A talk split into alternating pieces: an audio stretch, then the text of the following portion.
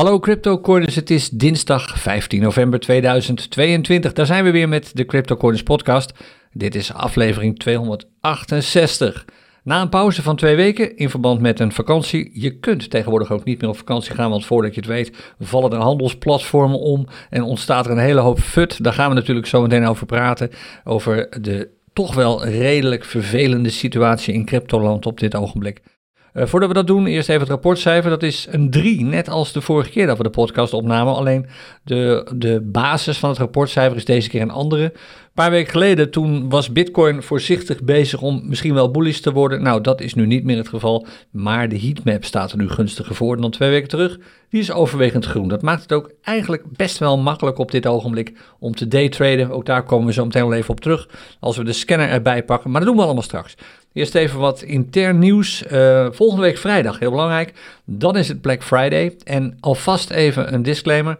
Wij doen niet mee aan die rage die nu ontstaat dat Black Friday eigenlijk al met Pinksteren begint zo'n beetje. Je ziet nu al de ene na de andere Black Friday aanbiedingen. Het is nog lang geen Black Friday. Dat is pas op vrijdag uit mijn hoofd 25 november, 24 of 25 november. Die vrijdag, dan doen we Black Friday. Uh, geen, uh, Black, of geen Cyber Monday, geen Black Friday weekend. Alleen op Black Friday doen we een hoop aanbiedingen. Als je wel eens eerder bij onze Black Friday aanbiedingen bent geweest, dan weet je dat die best wel behoorlijk spectaculair zijn. Dat gaan we nu ook weer doen.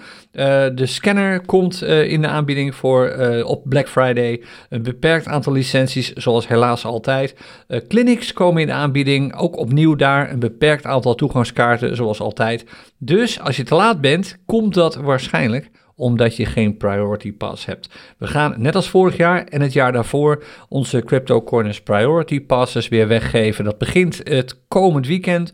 Als je zo'n pas hebt, dan kun je eerder dan normaal bij de aanbiedingen, vaak een uur eerder dan anderen dat kunnen. En als je zo'n Priority Pass niet wilt missen, meld je dan even aan voor de nieuwsbrief, cryptocorners.nl slash nieuwsbrief. Dan krijg je een mailtje van ons zo gauw die Priority Passes beschikbaar zijn. Die zijn gratis, die zijn vrijblijvend, die zit nergens aan vast. Maar het is wel heel handig om zo'n pas te hebben, want je krijgt de aanbiedingen die anderen later krijgen. En je krijgt ook een aantal aanbiedingen die anderen helemaal niet krijgen. Dus misschien vind je dat interessant. Oké, genoeg uh, commercieel gebabbel. Aanstaande woensdag, om precies te zijn morgen, 15 november, dan gaan we met het Crypto Coins Café weer aan de slag. Dank aan Kevan, die het de afgelopen twee weken van mij heeft overgenomen toen ik op vakantie was. Morgen mag ik het weer zelf doen. Morgenavond vanaf half acht je van harte welkom. www.cryptocoins.nl slash café. En ook aanstaande donderdag, dan is er ook weer een livestream, zoals het zo mooi heet. Dan staat Kevan weer in zijn Crypto Coins Clubhuis. Dus ook daar ben je van harte voor uitgenodigd. Morgenavond om half acht Coins Café, daar gaan we live traden. En donderdagavond Crypto Coins Clubhuis. Dat is, zeg ik erbij, iets eh, voor iets meer gevorderde traders en crypto-bezitters. Het gaat vaak over dingen die echt specifiek te maken hebben met traden en beleggen op een wat hoger niveau. Dus interessant misschien om als beginner een keer langs te komen. Maar het kan zijn dat een hoop informatie die je daar krijgt voor jou nog niet zo heel relevant is. Maar gezellig is het daar altijd wel in het clubhuis. En morgenavond in het café, je weet het, open huis. Kom gezellig langs als je tijd hebt. Stel vragen, kijk mee naar trades, leer van de opmerkingen en vragen van anderen, enzovoort enzovoort. Tot zover intern. Uh, je weet inmiddels trouwens wat intern betreft dat de CryptoCoiners Power Weken inmiddels zijn begonnen. Als jij uh, meedoet aan de CryptoCoiners Power Weken heb je al de nodige mailtjes ontvangen en heb je ook al de nodige video's inmiddels. Er zijn er op dit ogenblik drie, die van zondag, die van maandag en die van vandaag. Die staat ook al op de CryptoCoiners Power Weken pagina. Dus veel plezier daarmee. Nou, dan dat uh, externe nieuws. Is natuurlijk van alles te vertellen op dit ogenblik, maar we gaan het niet al te uitgebreid doen. Ik heb wel een kleine rant en ik wil gewoon even mijn eigen mening geven over iets. Uh, laten we even beginnen met uh, het FTX-drama natuurlijk. Sam uh, Bankman-Fried, die, is, um, die door de mat is gevallen eigenlijk. er is een handelsplatform waarvan niet veel mensen het hadden verwacht, omgevallen. en dat betekent nogal wat, omdat er op dit ogenblik voor 10 miljard uit, is de schatting nu 10 miljard dollar aan geld in zit dat van anderen is. Bijvoorbeeld van retail traders, misschien wel van jou, maar ook van andere bedrijven die een groot belang hadden in eh, FTX via de munt die erbij hoort, de FTT. Laten we uh, eerlijk zijn, dit was Sommige mensen zeggen nu, achteraf kun je altijd makkelijk praten, dit was te voorspellen. Nou, ik moet eerlijk zeggen, ik heb dit niet zien aankomen. Ehm, ik ben nooit zo enthousiast geweest over FTX, maar dan niet zozeer vanwege mogelijke malversaties en dergelijke, maar eerder vanwege het volume op het platform. Het was, er was genoeg te doen als het gaat om future trading, zeg maar derivaten trading, maar dat is iets waar wij bij CryptoCoins eigenlijk niet aan doen. Het risico daarvoor is gewoon te groot, ondanks wat sommige mensen zeggen, nou dat valt allemaal mee, je kunt je indekken. Naar mijn mening is het risico te groot, zeker voor beginnende traders. Dus ik heb FTX nooit eigenlijk echt genoemd, ook niet in het CryptoCoins Café. Voor spot traders, dat zijn dus zeg maar, traders op handelsplatformen waar echt met de munt zelf wordt getrade en niet met afgeleide daarvan, niet met futures, niet met margin trading enzovoort. Puur voor spot trading zonder margin is, uh, was FTX eigenlijk niet geschikt omdat het volume gewoon veel te laag was een van de kleine dingen die mij altijd een beetje heeft dwarsgezeten wat FTX betreft. Maar het was geen alarmsignaal. Het was gewoon iets van, nou, dat kan eigenlijk niet goed zijn, was de enorme lage commissie die je betaalde. Het was echt een fractie van wat je misschien gewend bent te betalen. En dat vond ik al op zich wel een beetje verdacht. En ja, dat, kan, dat geld moet ergens vandaan komen om zo'n exchange in de lucht te houden. En het geld om bijvoorbeeld een fonds op te bouwen, zoals Binance dat doet. Inmiddels is dat fonds trouwens echt al enorm gegroeid. Het is een miljard dollar op dit ogenblik. Om bij eventuele calamiteiten, een, een hack of iets dergelijks, je klanten te kunnen compenseren. Nou, dat fonds was er niet bij FTX. Maar ja, waarvan zou je het ook moeten opbouwen als je zo'n lage commissie vraagt? Nou, wat er heel vervelend is, naar mijn mening, even los van het feit dat je misschien zelf hier het slachtoffer van bent geworden. Als je dit hoort, is natuurlijk echt balen en uh, uh, ik leef absoluut met je mee. Uh, als je hierover wilt praten, graag. Post gewoon een reactie uh, op deze podcast, bijvoorbeeld op ons YouTube-kanaal of op de podcastpagina zelf. Um, maar wat los daarvan heel vervelend is, is dat dit natuurlijk zal worden gaan uitgebuit voor publiciteit. Door de verkeerde partijen. Om te beginnen, de huidige, zeg maar de retail traders, mensen die nu, mensen zoals jij en ik, die nu al aan het traden zijn, die zijn dit waarschijnlijk alweer snel vergeten. Het is een klap en uh, het heeft je misschien geld gekost als je FTT had. Maar, uh, of als je geld op FTX had staan. Maar op zich zullen de meeste retail traders hier alweer relatief snel overheen stappen. Die gaan gewoon weer door, business as usual, met traden op een ander platform. Maar dat is niet het geval bij centrale banken. Die gaan dit uitbuiten. Daar kun je op wachten. Centrale banken, alle regulerende partijen, die struikelen nu over elkaar heen natuurlijk. Om aan te geven hoe onveilig alles wel niet is enzovoort. En hoe weinig er eigenlijk achter crypto zit. Enfin, je kent al die FUD-verhalen natuurlijk. En dit ga je merken.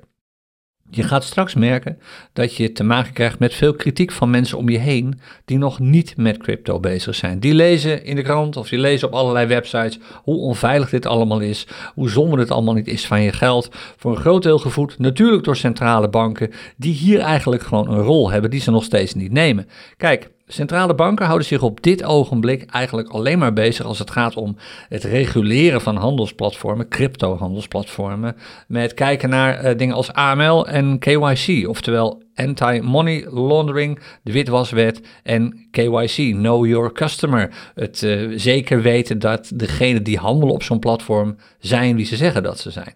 Maar zou de focus niet gewoon moeten liggen op wat ze eigenlijk bij de banken ook al niet goed doen, op reserves. Het managen van reserves. Het zorgen dat banken, sorry, handelsplatformen, banken eigenlijk ook, handelsplatformen heel duidelijk kunnen laten zien dat er genoeg in reserve is om bankruns op te vangen. Kijk, een bankrun klinkt heel alarmerend, maar hoeft dat helemaal niet te zijn. Een bankrun is niets anders dan iedereen rent naar de bank of naar een handelsplatform om zijn of haar geld daarvan af te halen, omdat er slecht nieuws eronder doet of geruchten eronder doen dat het verkeerd gaat bij die bank of bij dat handelsplatform. Er zijn partijen, en ik kom daar zo meteen nog even op terug, die overleven zo'n bankrun. Waarom? Ze hebben genoeg in reserve om het geld van hun klanten te kunnen terugbetalen als die klanten dat willen hebben. Sommige platformen overleven zo'n bankrun niet, zoals FTX. Die vielen meteen om. In een paar uur tijd was het gebeurd. Een paar uur nadat de bankrun was gestart, kon je al geen geld meer opnemen en was het einde verhaal. Zo'n bankrun de negatieve effecten van zo'n bankrun, namelijk het geld is op, kun je voorkomen als je genoeg reserve hebt. En dat is iets waar centrale banken wel een belangrijke rol zouden kunnen spelen. Het aparte is, wat je nu ziet, is dat er nu vanuit de cryptobeurzen zelf initiatieven komen om duidelijk te maken op een uniforme manier hoeveel er in reserve is. Dat is iets dat eigenlijk de centrale banken zouden moeten doen, de regulerende instanties. Maar die hoor je niet, die zijn alleen maar bezig nog steeds met witwassen en met know your customer. Het laat zien hoe ontzettend ouderwets dergelijke partijen te werk gaan, naar mijn bescheiden mening. Nou, wat, het, uh, wat dit dus betekent is dat we een paar jaar lang, absoluut een paar jaar lang, gaan merken dat we weer, nou we zijn niet terug bij af, maar we zijn wel flink teruggevallen. De euforie is even uit de markt. Retail traders, ik zei het net al, die zullen dit vrij snel niet vergeten, maar in ieder geval op een zijspoor schuiven. Door gewoon met, de, met de business van alle dag. Maar het gaat lang duren voordat de, ja, zeg maar het marktsentiment over crypto en bitcoin weer is op het niveau waar het, laten we zeggen, een aantal maanden geleden was. Voordat de crisis, crisis uitbraken. En voor natuurlijk zeker dit hele FTX-drama begon. En daar hebben we natuurlijk het laatste nog niet van gehoord. Want men zit nu vol op eh, SBF, eh, Sam Bankman-Fried, de oprichter van FTX. Kijk wat hij allemaal voor misdadige dingen heeft uitgesproken. De verschillende tweets die hij heeft gepost tijden geleden. Waarin hij af en toe afvraagt van wat had deze bewuste man gerookt. Uh, feit is, hij heeft wel degelijk op zijn manier bijgedragen aan bewustwording als het gaat om crypto. Maar het is allemaal een beetje vervelend afgelopen met natuurlijk deze enorme crash. En hoe dat nou precies komt, ik bedoel, we weten de, oorzaak van de crash, maar de rol die ehm, SBF er zelf bij heeft gespeeld, daar zal nog heel veel over worden geschreven. Dat laten we lekker buiten beschouwing hier in deze podcast. Maar dan natuurlijk die FUT. En dat is waar ik het even met je over wil hebben. Het onderwerp hebben we al een aantal keer besproken hier in de podcast. En ik heb het er ook in het café al over gehad. Het is super makkelijk om, in te, te trappen. Om te trappen in al de geruchten, in alle nieuws tussen aanhalingstekens dat wordt verspreid. En als je meekijkt naar uh, deze podcast via YouTube, dan zie je nu ook mijn uh, of een YouTube pagina in beeld. Ik heb even gezocht op YouTube naar crypto.com, want misschien heb je dat meegekregen. Afgelopen weekend, volgens mij zondagnacht, verscheen opeens het gerucht, opnieuw, het was puur een gerucht, het was puur een bericht van iemand die wat kliks nodig had, dat het met crypto.com ook niet goed ging. Dat crypto.com wel eens de volgende partij zou kunnen zijn die zou kunnen gaan omvallen. En als je even meekijkt op mijn scherm, dan scroll ik even door een aantal video's die zijn gepost sinds afgelopen zondagnacht. Ik moet echt even terug, want inmiddels zijn er natuurlijk alweer allerlei andere video's gepost uh, sinds er daar wat over is verschenen, wat officieels. Maar en ook een aantal video's die zondagnacht zijn gepost zijn alweer weggehaald, want het bleek gewoon allemaal een gevalletje fut te zijn. Ik zoek er even een paar op. Hier bijvoorbeeld uh, iemand die wanhopig de camera inkijkt en zegt, wow, kijk eens even aan, crypto.com gaat crashen. Zal crypto.com dit wel overleven? Uh, kijk of ik er nog een paar vind. Eh, die echt heftig zijn. Crypto.com heeft het opnemen van geld uh, even op stop gezet. Dat is niet waar. Overigens is gewoon puur gewoon fut wat hier staat. Hier ook weer eentje. Zal Crypto.com de catastrof, uh, catastrofale crash van crypto overleven? Dat is er eentje van twee dagen terug. Hier, nou, je, je kunt hier doorheen lezen en je ziet en je zag zeker zondag dat het alleen maar één groot drama was. tenminste, als je deze influencers moet geloven. En laten we eerlijk zijn, als je meekijkt zie je dat nu. De beelden liegen er ook niet om. Allemaal mensen die paniekerig in de camera kijken. En ja, ik kan me goed voorstellen als je dit soort dingen ziet, dat je hier behoorlijk onrustig van wordt. En wat ik altijd zeg tegen mensen die me hierop aanspreken is van, kijk er gewoon niet naar. Maak heel duidelijk voor jezelf een onderscheid tussen wat meningen zijn en wat feiten zijn. En dit zijn echt allemaal alleen maar meningen. En laten we eerlijk zijn. De meeste mensen die nu berichten posten, zijn influencers, of afgelopen zondag met name berichten hebben gepost, zijn influencers tussen aanleidingstekens en websites die maar één doel hebben: zorgen dat jij kijkt. Zoveel mogelijk kliks, dat betekent zoveel mogelijk advertentieomzet, dat betekent zoveel mogelijk page views. En dat is niet de reden waarom jij naar dergelijke dingen zou moeten gaan kijken. Je wilt eigenlijk alleen maar nieuws lezen en nieuws zien dat gebaseerd is op feiten. Ik kan daar niet genoeg de nadruk op leggen. Laten we toch even crypto.com erbij pakken. Afgelopen zondagnacht begon deze ellende. Ik heb hier trouwens ook de charter even bijgenomen. Dit hier, de ronde cirkel hier, is op uh, dinsdag 8 november. Vandaag een week geleden, bijna een week geleden.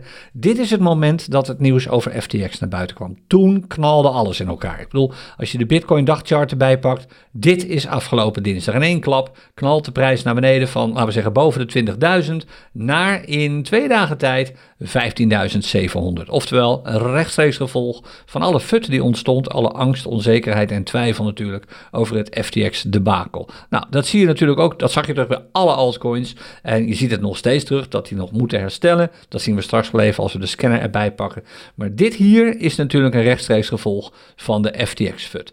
Alleen hier, op dit punt, op zondag 13 november, en dit was om een uurtje of zes ochtends, toen begon er opeens een hoop onrust te ontstaan over een mogelijk faillissement van Crypto.com. Er werden allerlei dingen bijgehaald. Sommige dingen overigens ook waar. Sommige feiten die je gewoon aantoonbaar kon terughalen. Maar die werden geïnterpreteerd op een manier die alleen maar weer de mening van iemand prijsgaf. Er is een te groot gedeelte aan Shiba Inu in hun portefeuille. Er is per ongeluk geld overgemaakt of er is crypto overgemaakt naar een verkeerde wallet. Enzovoort enzovoort. En dat is allemaal toevallig gebeurd in een tijd dat, puntje, puntje, kortom Gerucht op gerucht, fut op fut bericht.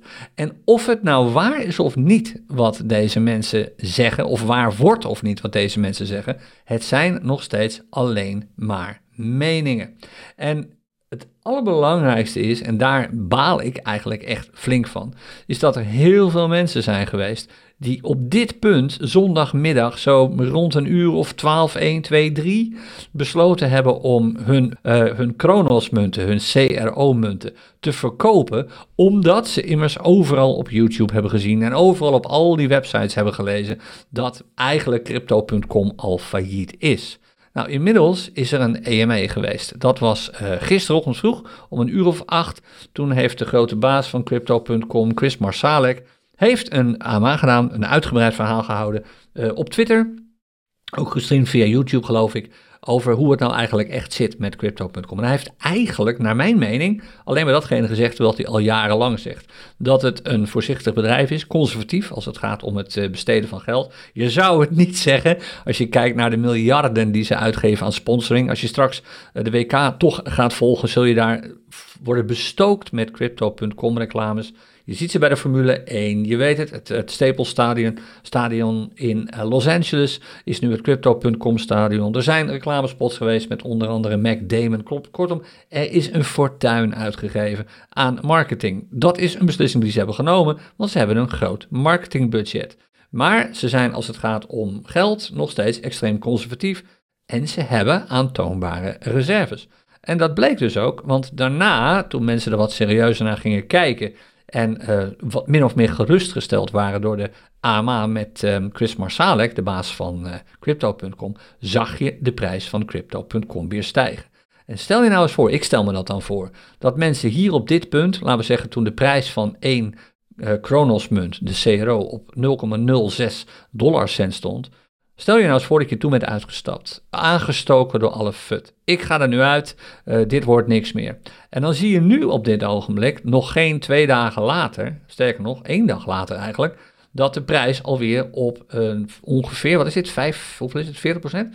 Uh, nee, sorry, 30 procent hoger staat. Dus je hebt in één klap gewoon een verlies gemaakt van sowieso 30 procent op dit punt. Ja, dat is natuurlijk pijnlijk en het was misschien niet nodig geweest als je jezelf in de spiegel aankijkt, als je niet was ingegaan uh, op de emoties die ontstaan als je al die FUT-berichten bekijkt, die voor een groot deel alleen maar het gevolg zijn van meningen en niet feiten. En ik kan niet genoeg benadrukken dat je altijd je eigen onderzoek zult willen doen.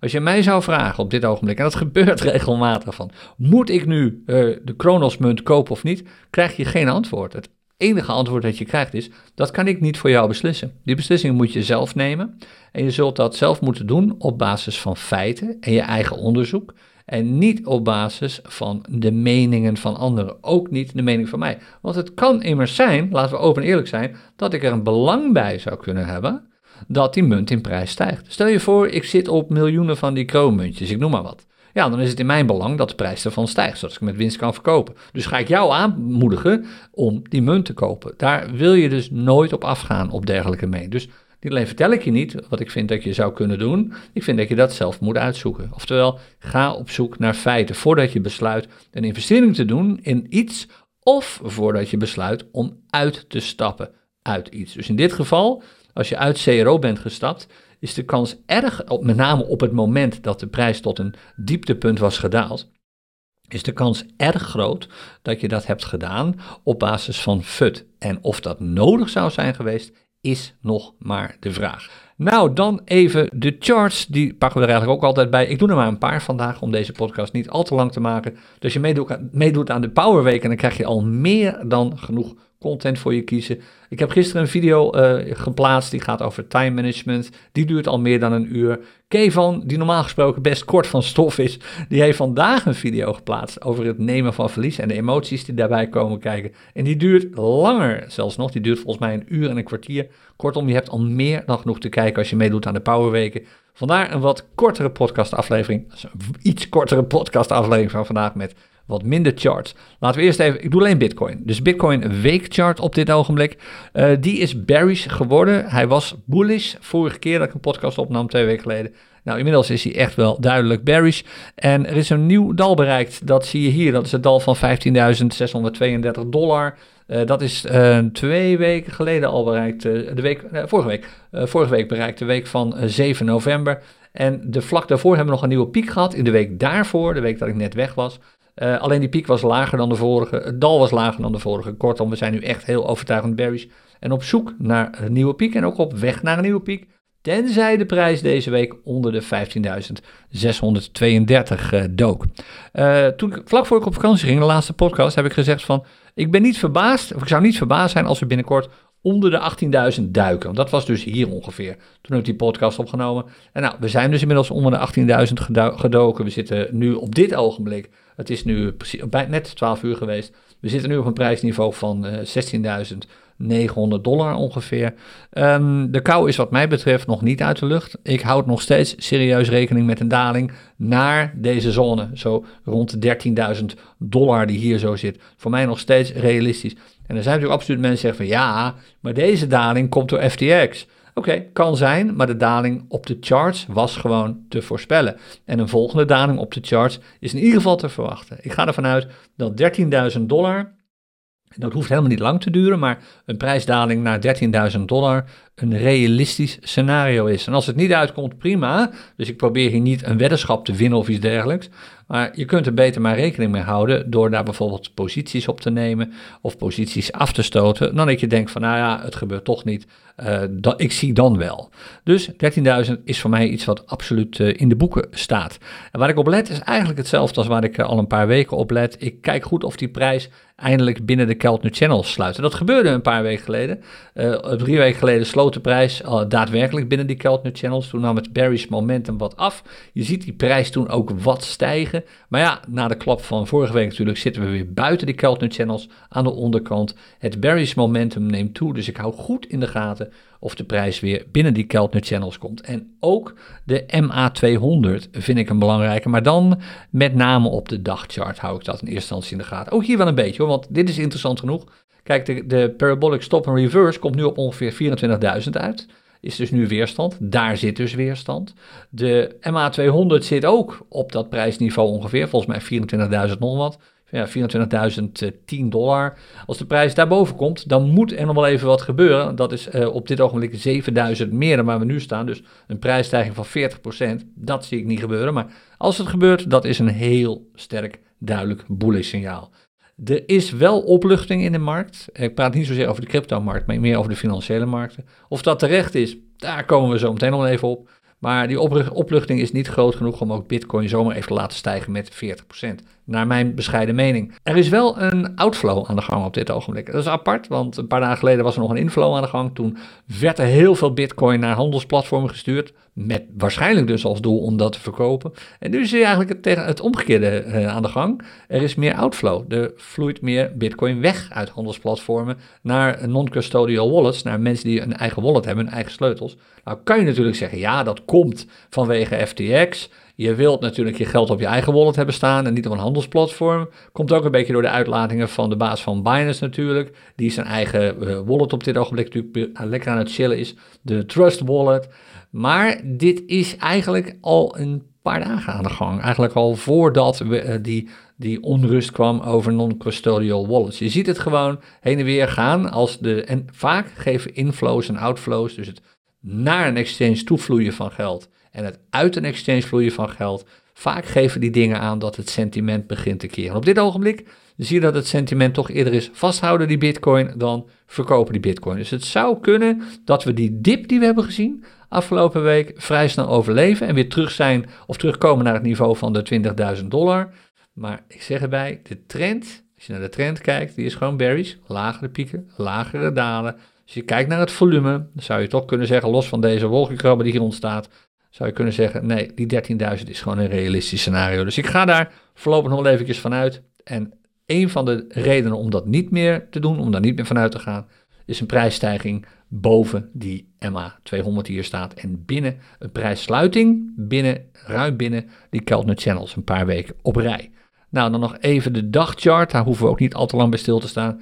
Die is ook berries geworden natuurlijk nu. Uh, we zien een lichte opleving nu. Het laatste dal dat we hebben gezien van 14 november, twee dagen terug, gisteren was dat, is hoger dan het vorige dal dat we op 9 november hadden. We zijn nu op weg naar een nieuwe piek. Als de prijs boven de 17.240 komt, en dat zou zomaar kunnen gebeuren, want we gaan nu richting de 17.000, dan hebben we een bullish dagchart. Dan is de trend omgekeerd. Technisch is hij dan bullish.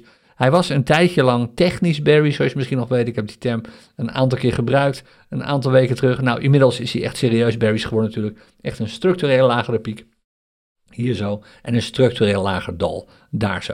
Wat ik nog steeds verwacht, ook op die dagchart weer, is dat we toch nog een keer zo'n euforie gaan zien. Dat de prijs door die 2400 heen breekt, dat hij vervolgens door de 23.000 heen breekt. En dat mensen dan optimistisch worden, maar dat optimisme is volgens mij echt onterecht, want de economie die ondersteunt dit gewoon niet. En de prijs zal dan waarschijnlijk gaan terugkaatsen bij die veerstand die we hier rond de 25.000 zien op dit niveau.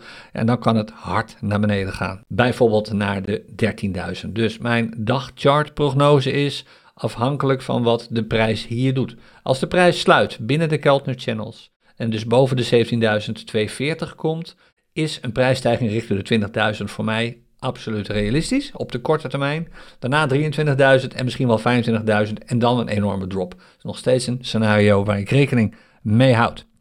Tot zover even Bitcoin en crypto. Ether doen we de volgende keer wel weer bij de volgende aflevering van onze podcast. We kijken nog even naar goud. En daar is mijn verwachting gelukkig niet uitgekomen. Want ik zei vorige week, of drie weken geleden, ik zei oké, we zijn nu op weg naar een piek. Eigenlijk zou die piek hoger moeten zijn dan deze rode lijn hier. 17.900, uh, eh, sorry, 1729 dollar om te kunnen spreken van een herstellende goudmarkt. Nou, dat, ik denk niet dat dat gaat gebeuren. Dat was uh, ongeveer hier toen ik dat zei.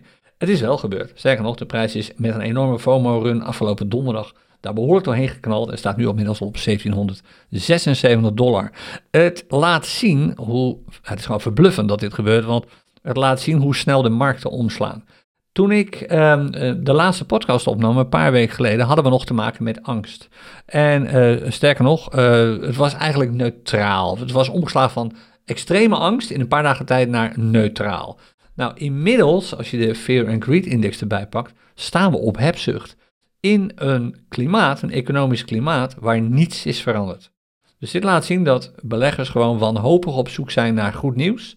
En bijna alles is goed nieuws. Een iets minder tegenvallende inflatie is goed nieuws.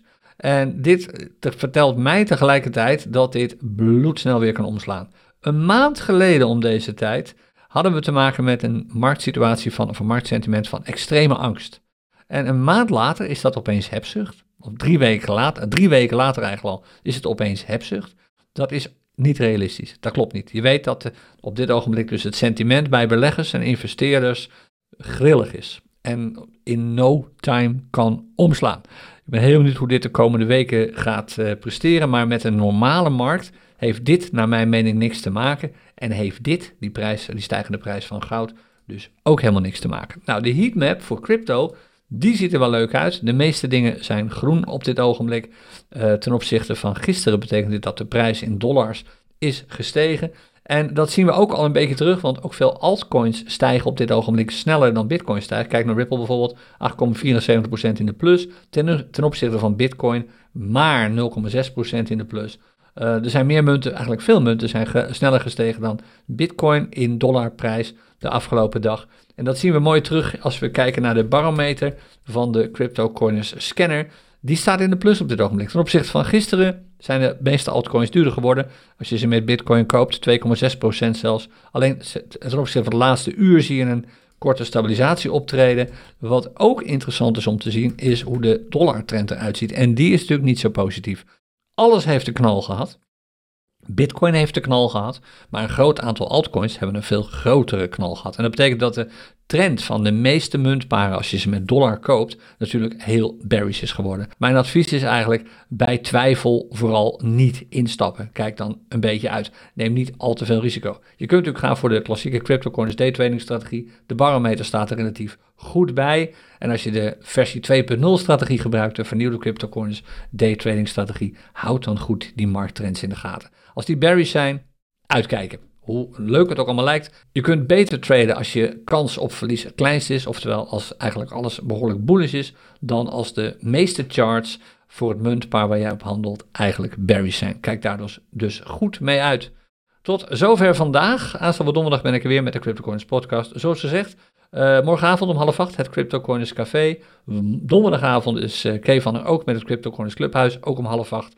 Meer daarover lees je natuurlijk ook in onze nieuwsbrief. Als je meedoet aan de Powerweken, hou je vast. Er komt nog veel meer aan dan alleen maar die paar video's die je nu gezien hebt. We gaan ook live wat de Powerweken betreft. We gaan Zoom-sessies doen, enzovoort, enzovoort. Er gaat van alles gebeuren de komende twee weken. En dan hebben we natuurlijk vrijdag over een week Black Friday. Oké, ik ben er donderdag waarschijnlijk weer bij een nieuwe aflevering van de CryptoCoins podcast.